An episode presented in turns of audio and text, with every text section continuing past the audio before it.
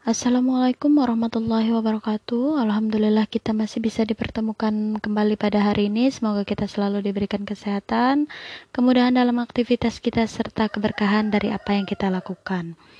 Jadi pada pertemuan kali ini untuk tujuan pembelajarannya masih sama seperti uh, pertemuan sebelumnya. Setelah mempelajari materi ini, siswa diharapkan mampu menjelaskan Bagaimana melakukan penelitian sederhana dengan benar? Kemudian untuk materi pembelajaran kita masih di dalam lingkup melakukan penelitian sosial sederhana yaitu pada hari ini kita akan mempelajari tentang bagaimana mengolah data hasil penelitian. Oke, kita langsung saja masuk ke materi kita. Jadi pengolahan data ini adalah salah satu kegiatan dalam penelitian yang bertujuan untuk mengolah data-data yang diperoleh dari lapangan agar bisa dibaca dan mudah dipahami. Jadi pengolahan data hasil penelitian ini dibedakan berdasarkan pendekatan penelitian yang dipakai. Jadi pendekatan penelitian itu ada dua yang umum ya di dalam penelitian sosial. Ya, yang yang pertama itu pengolahan data kualitatif dan yang kedua itu pengolahan data kuantitatif. Oke, kita ke pengolahan data kualitatif terlebih dahulu. Jadi, dalam pengolahan dalam penelitian kualitatif atau pengolahan data kualitatif itu data diperoleh dari berbagai sumber dengan menggunakan teknik pengumpulan data yang bermacam-macam dan dilakukan secara terus-menerus sampai datanya jenuh.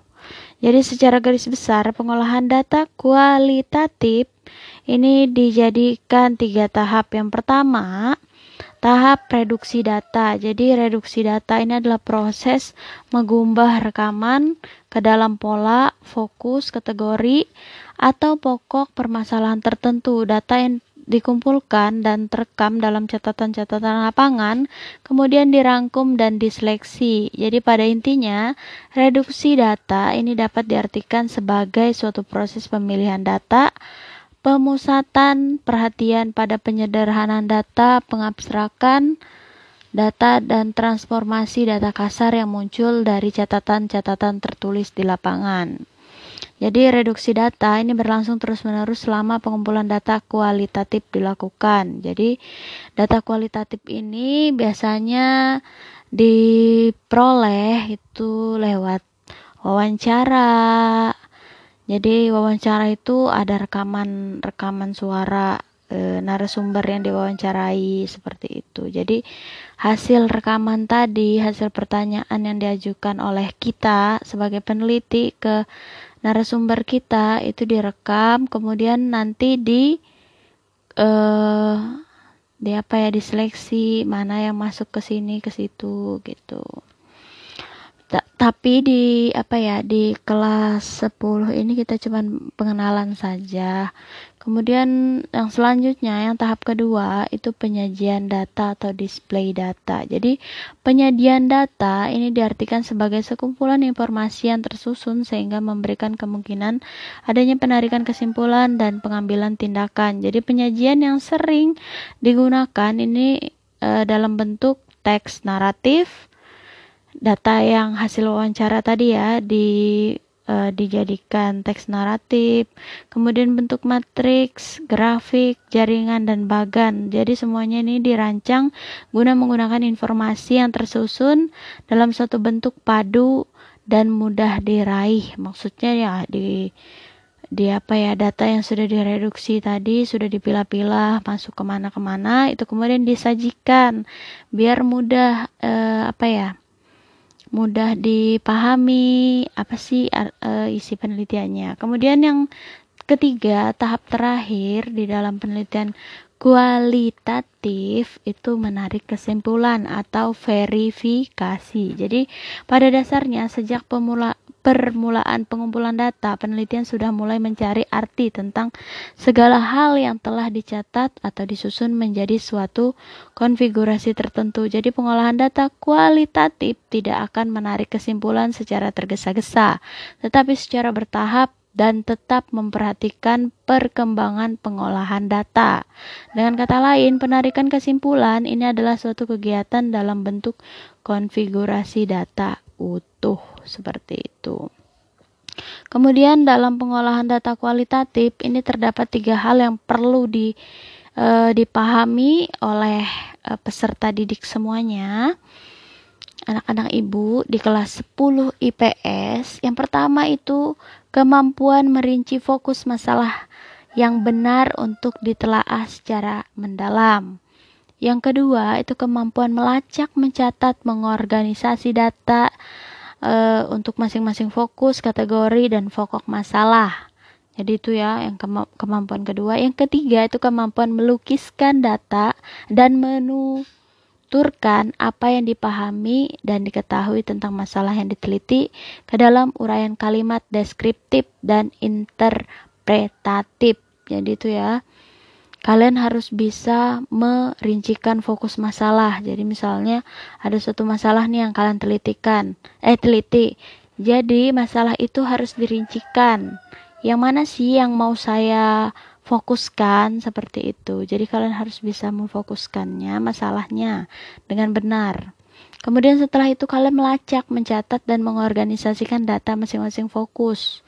Jadi fokus yang sudah dibuat tadi itu di di apa ya dikategorikan lagi kemudian dicari lagi atau dicatat lagi sesuai dengan ininya apa fokusnya masing-masing atau pokok masalahnya tadi. Kemudian hasil dari eh, apa ya catatan dan pengorganisasian tadi maksudnya hasil dari menarik kesimpulan atau verifikasi data di dalam kualitatif ini itu kemudian diinterpretasikan atau di uh, apa ya dilukiskan dalam bentuk kata-kata yang bagus yang mudah dipahami seperti itu.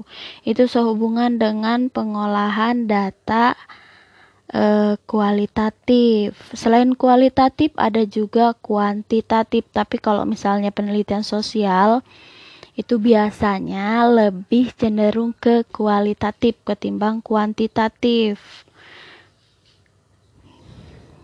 Kemudian e, untuk kuantitatif, jadi kuantitatif ini dalam pengolahan data hasil penelitian kuantitatif memerlukan adanya perhitungan secara matematis. Oleh sebab itu data kuantitatif perlu diolah dan dianalisis secara statistik. Jadi kalau misalnya penelitian sosial itu jarang jarang sekali yang menggunakan metode kuantitatif, kebanyakan kualitatif karena ya menggambarkan masyarakat itu uh, tidak uh, apa ya tidak selalu harus dengan angka-angka tapi ya dijelaskan. Hmm, jadi untuk tahap-tahap dalam pengolahan data kuantitatif ini yang pertama ada pengelompokan data. Jadi data hasil penelitian kuantitatif yang telah diperoleh selanjutnya ini dikelompokkan agar data ini dapat dikelompokkan secara baik da, e, perlu kegiatan yang pertama itu editing. Jadi editing ini adalah pengeditan ini adalah penyuntingan atau e, penelitian kembali terhadap catatan-catatan yang memuat berbagai data. Jadi hal-hal yang perlu diteliti dalam kegiatan editing antara lain, antara lain lengkap tidaknya pengisian dan keterbacaannya tulisan, kejelasan makna jawaban, kejelasan dan kesesuaian jawaban yang, yang satu dengan yang lainnya, relevansi jawaban dan keseragaman kesatuan data. Kemudian yang selanjutnya coding. Jadi coding ini pengkodean. Jadi dalam memberi eh, dalam coding ini data itu diberikan simbol berupa angka pada jawaban responden. Jadi simbol angka ini disebut kode. Jadi pemberian kode pada data ini dapat dilakukan dengan melihat jenis pertanyaan yang diajukan dalam kuesioner. Jadi kalau misalnya kuantitatif ini dia pakai kuesioner, angket ya seperti itu. Kemudian yang selanjutnya itu tabulasi data. Jadi tabulasi data ini merupakan proses pengolahan data yang dilakukan dengan cara memasukkan data ke dalam tabel. Jadi kalau misalnya uh, ditanya uh, proses pemasukan data ke dalam tabel itu apa? Itu disebut dengan tabulasi. Kalau coding itu dia pemberian kode, kalau editing itu dia melihat kembali mengedit atau melihat uh, apa ya kejelasan makna jawaban dan lain sebagainya. Kemudian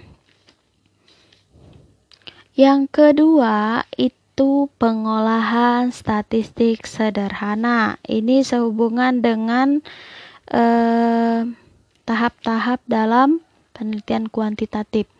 Jadi pengolahan statistik sederhana ini diartikan sebagai cara untuk mengolah data berupa angka kuantitatif sedemikian rupa sehingga informasi atau data tersebut mempunyai arti.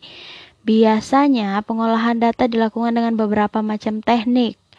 Uh, ini tidak perlu ibu apa ya, tidak perlu ibu gambarkan, hanya ibu jelaskan saja lewat-lewat ya. Jadi sekedar kalian tahu. Jadi kalau ingin ingin melihat bagaimana sih pengolahan data eh pengolahan statistik sederhana ini kalian bisa lihat LKS-nya masing-masing halaman 54, 55, 56, 57 58 dan 59 jadi dibaca-baca aja. Kalau ibu jelaskannya lewat-lewat saja ya. Yang penting kalian tahu jadi dalam pengolahan statistik sederhana, ini ada beberapa macam teknik. Yang pertama itu sebaran frekuensi atau distribusi frekuensi. Jadi, yang disebut frekuensi ini seberapa sering atau seberapa banyak. Jadi e, di sini bisa dicontohkan jadi seorang peneliti ini mendapatkan data tentang usia anggota Karang Taruna di Desa Sukamaju. Jadi usianya itu ada yang 14 sampai 25 tahun. Jadi di sini di uh, apa ya dilihat banyaknya usia yang 14 tahun itu ada berapa kemudian yang 15 tahun ada berapa orang setelah itu yang 25 tahun ada berapa orang? Jadi dilihat frekuensinya kemudian disusun usianya dari yang termuda sampai yang tertua itu disusun ada berapa orang seperti itu. Itu yang disebut dengan frekuensi. Kemudian yang selanjutnya eh ukuran memusat atau tendensi sentral. Jadi ukuran pemusatan data atau tendensi sentral adalah bagaimana yang mewakili keseluruhan data. Jadi pengukuran tendensi sentral ini digunakan apabila data perlu dijelaskan dengan menggunakan satu petunjuk yang terpusat pada titik sentral dari sekumpulan data. Jadi pengukuran yang sering digunakan ini adalah mean, modus, dan median. Jadi, mean itu artinya bilangan yang berasal dari jumlah keseluruhan nilai. Bilangan dibagi dengan banyaknya bilangan subjek. Contohnya, eh, siswa kelas 12 SMA ini memperoleh nilai ulangan sebagai berikut sosiologi itu ada nilainya 8. Kemudian bahasa Indonesianya 7, sejarahnya 6, geografinya 7. Jadi ini jumlah e, nilainya ini dijumlahkan, kemudian dibagi ada berapa mata pelajaran. Ada empat mata pelajaran tadi sosiologi, bahasa Indonesia, sejarah, dan geografi. Kemudian dibagi dibagi dengan jumlah total mata pelajaran dibagi dengan jumlah jumlah nilai total mata pelajaran dibagi dengan jumlah mata pelajaran itu sama dengan 7. Jadi minnya itu adalah 7. Kemudian untuk mencari median. Jadi median ini merupakan nilai tengah dalam suatu e, kelompok nilai yang telah diurutkan. Jadi nilai dalam kelompok tersebut itu diurutkan dari nilai terkecil hingga terbesar atau sebaliknya dari nilai terbesar hingga nilai terkecil. Jadi untuk caranya nanti bisa dilihat di situ. Insya Allah pada pertemuan selanjutnya akan saya jelaskan bagaimana cara menghitung min, modus, median.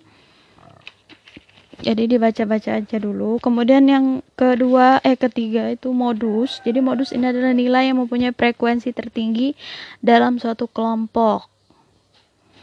itu ya sehubungan dengan modus jadi rumusnya itu M modus itu sama dengan L.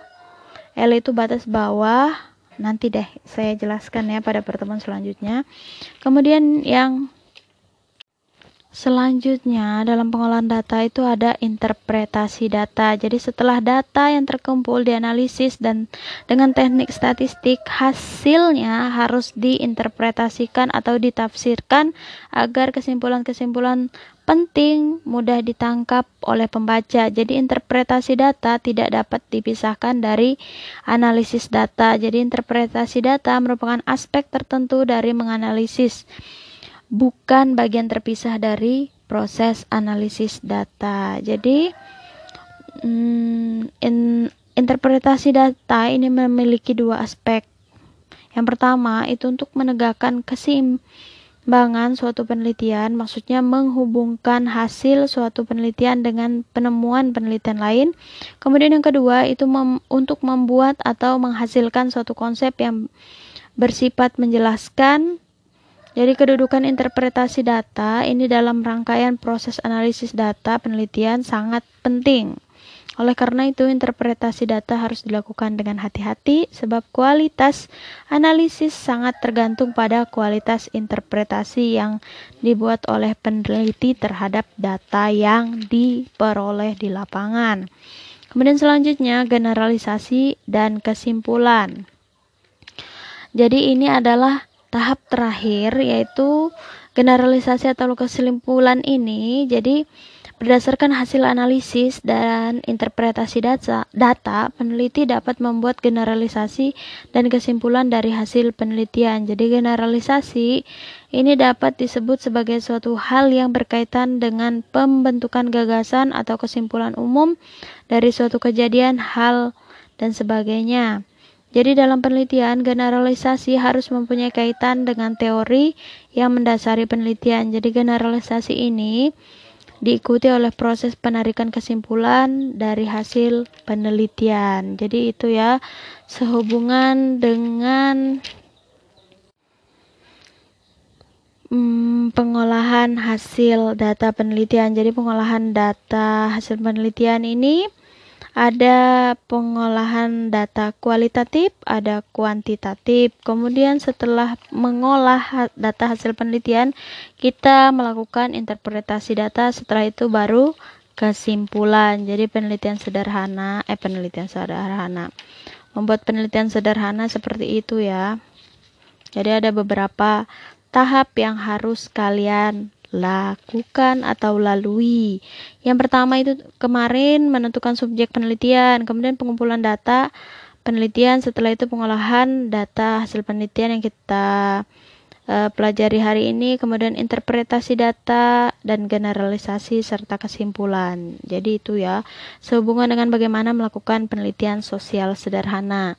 Oke, jadi jika ada yang ingin ditanyakan dari apa yang Ibu jelaskan, misalnya ada yang belum jelas, uh, sehubungan dengan mon main modus median tadi nanti akan ibu jelaskan pada pertemuan selanjutnya. Uh, bisa nanti menggunakan powerpoint atau ya powerpoint insyaallah jadi itu saja untuk pertemuan kali ini. Ibu akhiri. Wassalamualaikum warahmatullahi wabarakatuh